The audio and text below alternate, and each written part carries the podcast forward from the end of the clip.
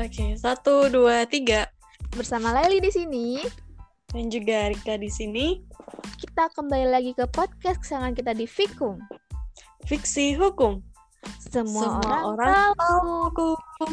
Assalamualaikum warahmatullahi wabarakatuh. Hai semua, gimana kabarnya nih? Semoga kalian baik-baik saja, tetap jaga kesehatan, jaga jarak pakai masker dan tentunya ikuti terus protokol kesehatan 5M.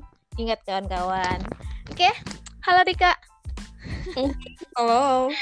Oke, kita kembali lagi nih ke segmen Curol atau curhatan online yang mana pada kesempatan kali ini kita akan membahas nih kak sebuah polemik Widih. Mhm. polemik di negeri kita sendiri, negeri kita tercinta Indonesia. Yang polemik ini disebabkan oleh orang-orang hebat di Indonesia. Eh, daya menyambut ya 17-an ham- eh, menjelang 17-an 17-an ini kita nggak setengah-setengah loh dalam merayakan 17-an ini kita kita Mhm. kita menghabiskan uang gitu ber, berpesta pora itu dengan cara mengecat pesawat presiden.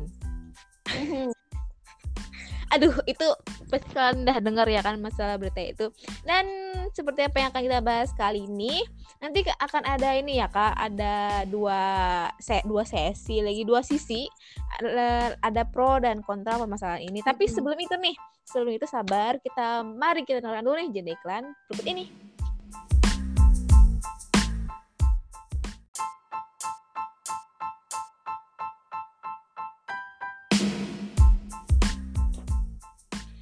Ya, terima kasih kawan-kawan yang sudah sabar menunggu. Jadi, udah aku bilang tadi kan di sini ada dua sisi, ada pro dan kontra. Di sini Rika seba- posisinya sebagai Yang pro dipaksa Yang pro. untuk jadi pro nih. padahal kontra gitu ya. Heeh. Sama. Makanya kenapa aku milih kontra karena ya enak lah dikit. ya.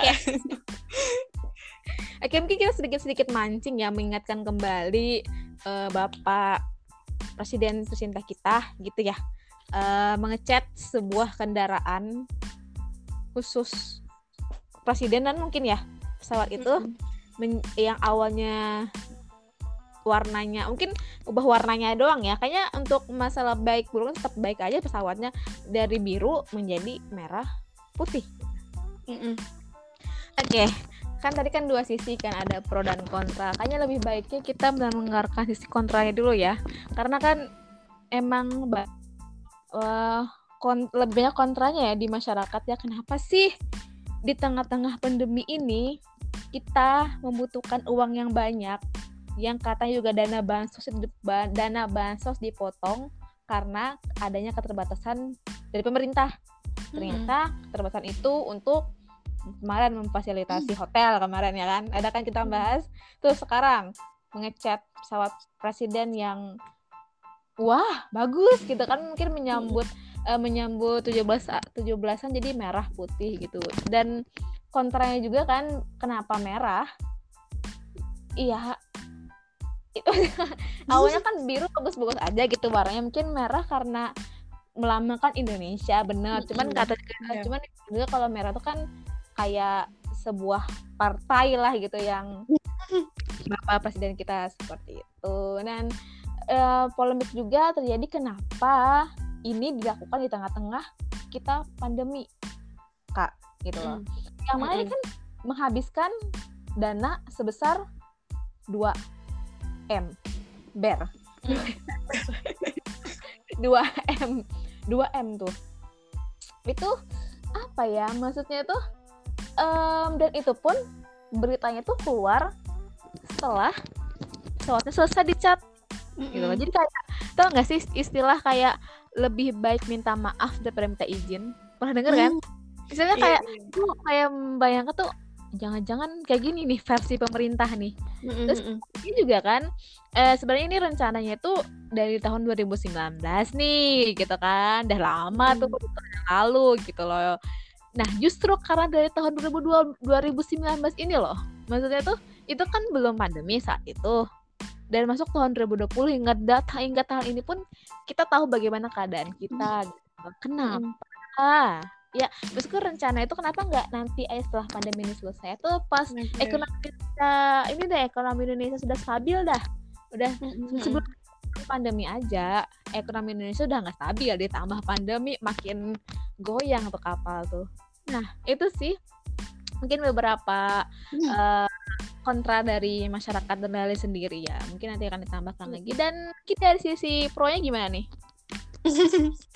Oke, kalau itu tadi dari sisi kontranya nih, sekarang aku dari sisi pro-nya nih. Kita apa ya, cari-cari yang eh, positif-positifnya nih dari adanya pengecetan pesawat ke presiden ini. Eh, Ke eh, presiden susah nggak oke kemarin kamu jadi susah nggak agak dipaksakan sih ya. Tapi ya karena tim pro nih jadi harus oke ada Mm. jawabannya.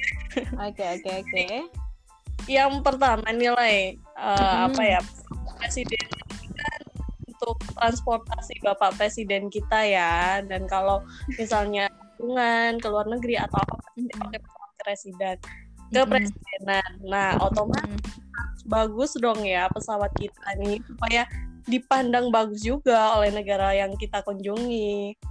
Jadi ada apa ya nilai estetiknya gitu loh kalau misalnya Mhm. pesawat itu warnanya diubah jadi merah putih gitu. Dan ini kan dalam rangka apa merayakan ke 76 Indonesia juga kan makanya Mhm. warna pesawatnya itu merah dan putih sesuai dengan bendera kita gitu. Hmm, gitu oh.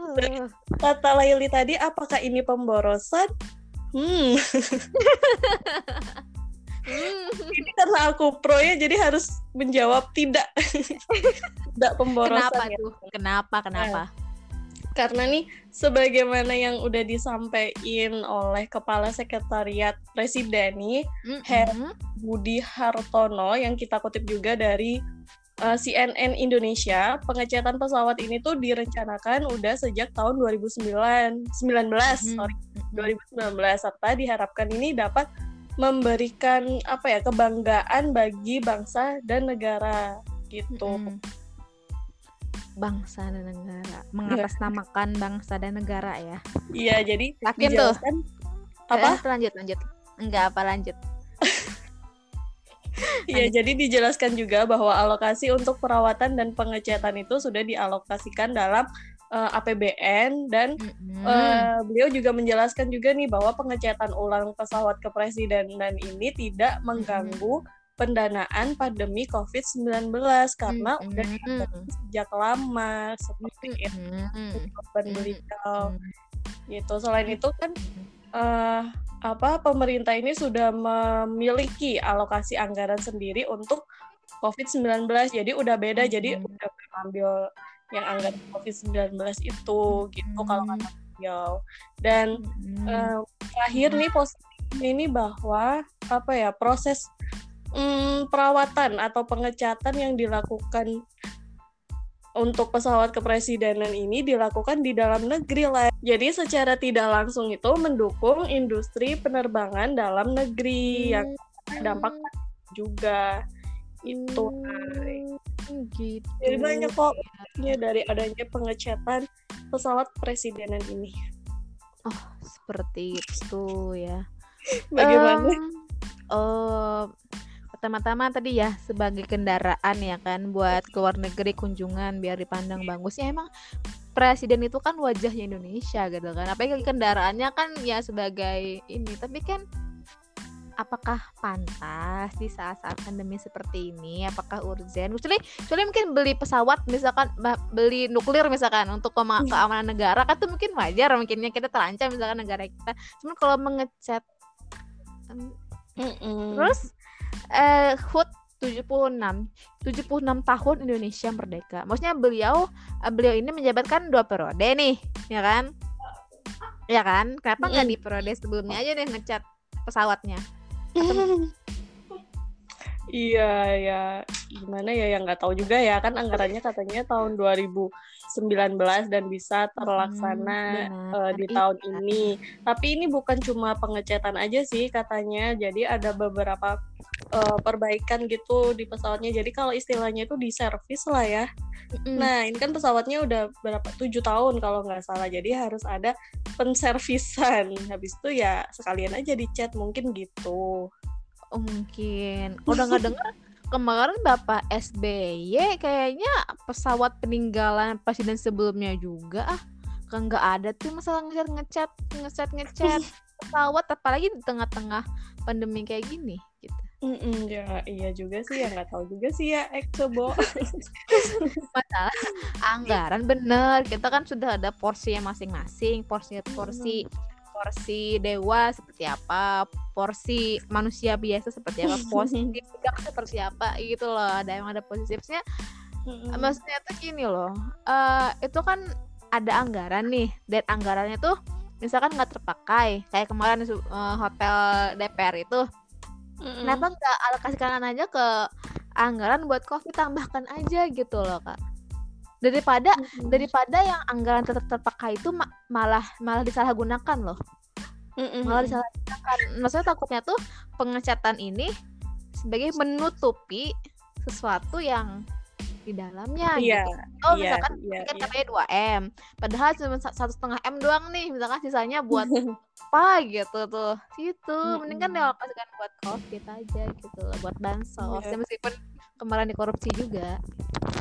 Hmm. Iya makanya itu kita apa ya harus berpikir positif dulu nih lah ya meskipun ya pesawatnya udah dicat gitu ya lanjut dicat tapi ya udahlah kita berpikir positif aja gitu loh Mm-mm, iya kan tadi lebih baik minta maaf daripada minta izin kan tadi. tadi maafin nggak Ada gitu minta ada gitu permohon maaf ya. nggak lah Eh, Oke, seperti itulah. Nah, itu ya masalah pro dan kontranya pengecatan kendaraan Bapak Presiden Kendaraan. kita. Kendaraan kan? Iya Kendaraan transportasi transportasi udah kendaraan transportasi udaranya gitu lah.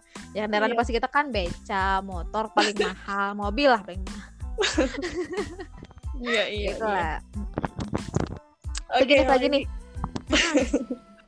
lanjut ke pembahasan yang selanjutnya nilai ini apa ya ada yang lucu nih Apa Lai, tuh? tahu nggak Enggak lah. karena karena kita barusan seluruh Indonesia tuh di prank lah Apalagi nih? kamu ngerasa nggak Enggak sih yang ngerasa ya. Oh, enggak ya nah ini kan ada tuh beberapa waktu yang lalu lagi heboh juga Hmm. terkait dengan sumbangan 2 triliun dari keluarga pengusaha Akitio. Oh.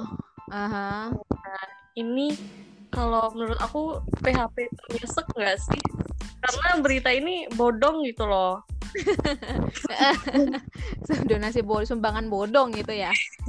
Iya. Oke, gitu. Terus Nah, menurut Laili gimana? menurut Laili ya, mungkin aku eh, sedikit mengulang kembali ya beritanya. Ya, aku kutip ya dari tempo.co. Ini kan keluarga dari almarhum Akidi Tio kan, eh, seorang pengusaha nih gitu.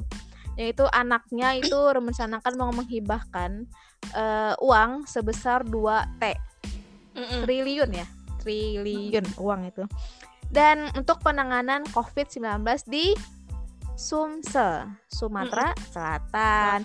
Namun ya saat petugas hendak melakukan pencairan, ternyata uang tersebut kurang dari 2 T kak. Mm-mm.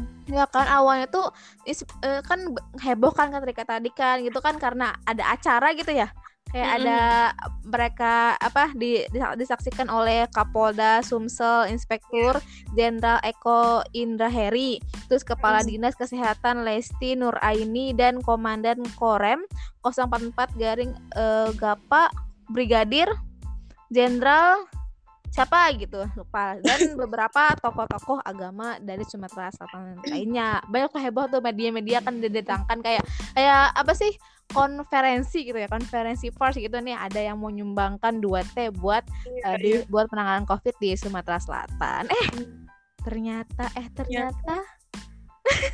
Cepet. ternyata ternyata. Wow gitu kan. Dan ternyata tidak ada uangnya dan akhirnya yang itu ditangkap gitu ya dia ditangkap oleh kepolisian Dimintai Sumatera. keterangan aja sih. diminta dimintai keterangan gitu cuman ditangkap ditangkap dan diminta keterangan gitu Mm-mm.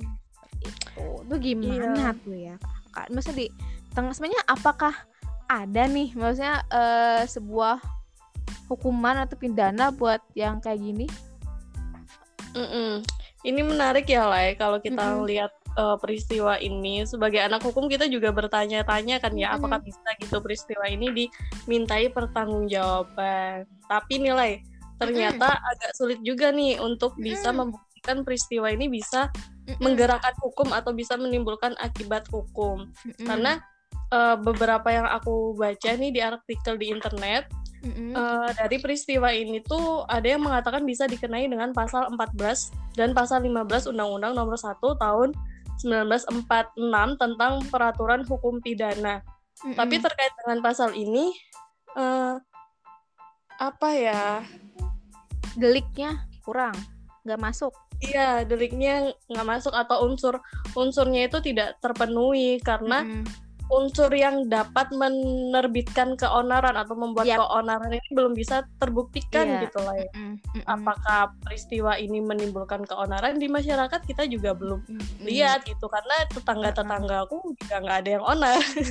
Heboh di media doang gitu istilahnya. Iya di media, iya di media mm -hmm. aja. Jadi ini belum bisa dibuktikan gitu kecuali mm -hmm. nanti ada laporannya gitu. Terus mm. ada juga yang berpendapat peristiwa ini bisa dijerat dengan Undang-Undang ITE pasal 28 mm-hmm. dan pasal 387 KUHP.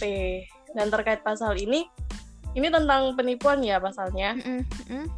Kenapa ada UU ITE ya karena penyampaiannya itu menggunakan media elektronik kan di TV mm-hmm. kemarin itu mm-hmm. dan ada ininya juga simbolisasinya juga kan. Tapi mm-hmm lagi-lagi dalam peristiwa ini tidak memenuhi unsur yang ada dalam pasal tersebut gitu. Mm -hmm. Misalnya kayak uh, apakah dalam peristiwa ini menguntungkan pihak Akiditio?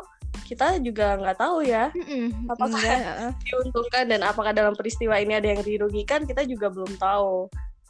Dan kalau mm -hmm. melihat uh, pasal 28 Undang-Undang ITE juga unsur yang menimbulkan rasa kebencian atau permusuhan individu atau kelompok uh, kelompok masyarakat tertentu berdasarkan gak, suku, agama, ras gak dan juga, kan? Gak juga kan ya kita sampai saat ini belum ada dilihat itu. Jadi ya belum bisa dibuktikan gitu. Makanya yep. agak susah untuk membuktikan peristiwa ini uh, mengakibatkan akibat hukum atau enggak karena belum ada pasal yang cocok banget buat diterapkan dalam peristiwa ini. Mm -mm. Gitu. Mm -mm. Bener banget. Aku juga baca juga kan, maksudnya pihak kepolisian pun masih bingung gitu menggunakan pasal yang mana nih yeah, untuk yeah. untuk menjerat kayak menjerat pelak, uh, menjerat dia, menjerat ya gitu pelaku ya pelaku mm. kebohongan lah gitu pelaku pelaku prank lah gitu karena undang-undang ya deliknya tidak terpenuhi tadi kata Rika tadi. Iya. Tapi kan ini... Uh, uh, tapi kan ada ini apa sih eh, katanya sih ada cek. Nah yang masalah cek itu itu kan uh, apa sih kata itu bi bisa masuk sebenarnya. Tapi tergantung lagi uh, bagaimana nah tingkat penyelidikannya seperti apa ya. Masih tingkat penyelidikan kan masih mencari tahu kan uh, apakah ada adanya suatu tindak pidana. Mm-hmm. Nah itu katanya sih katanya sih kemarin tuh ada cek kak. Nah kalau ada cek itu katanya sebenarnya bisa untuk diproses hukum Nah, tapi hmm. karena mungkin ini masih di tahap penyelidikan ya, mungkin mm uh, masih dicari-cari lah gitu bagaimana yeah. uh, hukumnya dan kemarin juga si apa anak-anak beliau ini kan namanya Heriati ya. Mm Kemarin tuh setelah dipanggil uh, melakukan pemeriksaan itu pada besokan harinya tuh mengalami apa sih perawatan kak karena mm-hmm. sesak-sesak napas gitu loh. Oh iya iya. Habis ini uh, habis diperiksa seperti semoga sehat walafiat lah. Apalagi mm-hmm. apalagi kan kak katanya kan di ini kan di tes gangguan eh apa kejiwaannya lah gitu. Apakah mm-hmm. ada gangguan seperti apa ya kan kemarin tuh. Nah, ya. Hmm. Berarti ini ya lah kasusnya ini bisa dong ya kekosongan hukum. Hmm, bisa jadi belum dapat gitu yang pas mungkin buat teman-teman misalnya yang mau meneliti tentang kasus ini bisa tuh mau di uh, karena ini mungkin lebih ke perasaan ya kayak kayak kayak kan iya, gitu. tapi kan ah, gitu. ngepranknya itu keterlaluan banget gitu. PHP di saat-saat kayak gini iya saat-saat kayak gini loh tengah-tengah prank mungkin prank di tengah pandemi gitu mungkin saja jadi ya Oke ini yang aku ikutin ya beritanya dari awal itu pas awal-awal ngeliat nih pemberitaan ini wah kataku keren nih ada yang nyumbang 2 triliun nih kayak gitu. Mm -hmm. Tapi aku sih sekilas doang kayak oh orang baik nih udah aku skip aja. Terus ya beberapa hari beberapa saat yang lalu kan tiba-tiba berita eh ternyata bohong. Sebenarnya nggak terlalu impact impact aku juga nggak ada pengaruhnya mm -hmm. juga sebenarnya mungkin yeah. Terus uh, cuman mungkin karena kita anak hukum gitu kan kita meneliti bagaimana ada nggak sih gitu masa mm-hmm. masa hukum baik kan baik kan pas kita baca oh ternyata nih nggak ada nih kak nggak ada nggak mm-hmm. ada pasal yang bisa menjerat beliau ini loh seperti mm-hmm. nah ini kan menarik mbak menarik untuk kita bahas sebenarnya ada beberapa pasal yang mungkin mendekati kasus mm-hmm. ini hanya saya tadi masalah keonaran uh, merugikan konsumen atau menguntungkan diri sendiri itu tidak terpenuhi lah dari iya iya Nah, itu itu sekian polemik yang ada di negeri kita kembali ya. Polemik-polemik yang nggak ada habisnya, polemik tengah pandemi masih aja ada. Nah, apakah nanti kita akan bahas permasalahan dari pemerintahan kita lagi masalah yang DPRD berkerokian itu atau yang bahas yang lain tidak tahu so, uh, buat kalian nih uh, terima kasih banyak yang udah mendengarkan podcast Pesikum tentunya dan kami mohon maaf yang sebesar-besarnya juga apabila selama kami berpodcast nih ada salah kata perbuatan dan buat kalian yang pengen gabung ya di podcast Fiksi Hukum nih tolong aja ya pengen gabung jangan PHP juga jangan ngeprank kayak yang ini ya yeah. uh, di segmen Hot Voucher ataupun Script Suite dan kami tunggu kabarnya. Iya, dan jangan lupa juga ya sampaikan juga kritik dan saran kalian ke Fiksi Hukum. Sampai jumpa di episode selanjutnya. Tetap di Fikum. Fiksi Hukum. Semua, Semua orang, orang tahu hukum. Bye-bye. Di balik podcast. Mari kita mulai saja. Yuk, apakah? Okay. Semoga baik-baik aja lah. Wow. Akido. Akido lo. Akidi Tio. Akido. Akidi ya? Akidi. Akidi ya? Jadi Akido. Iya Akidi asal lagi kenapa Tio gara-gara. Akidi Tio. Sorry sorry.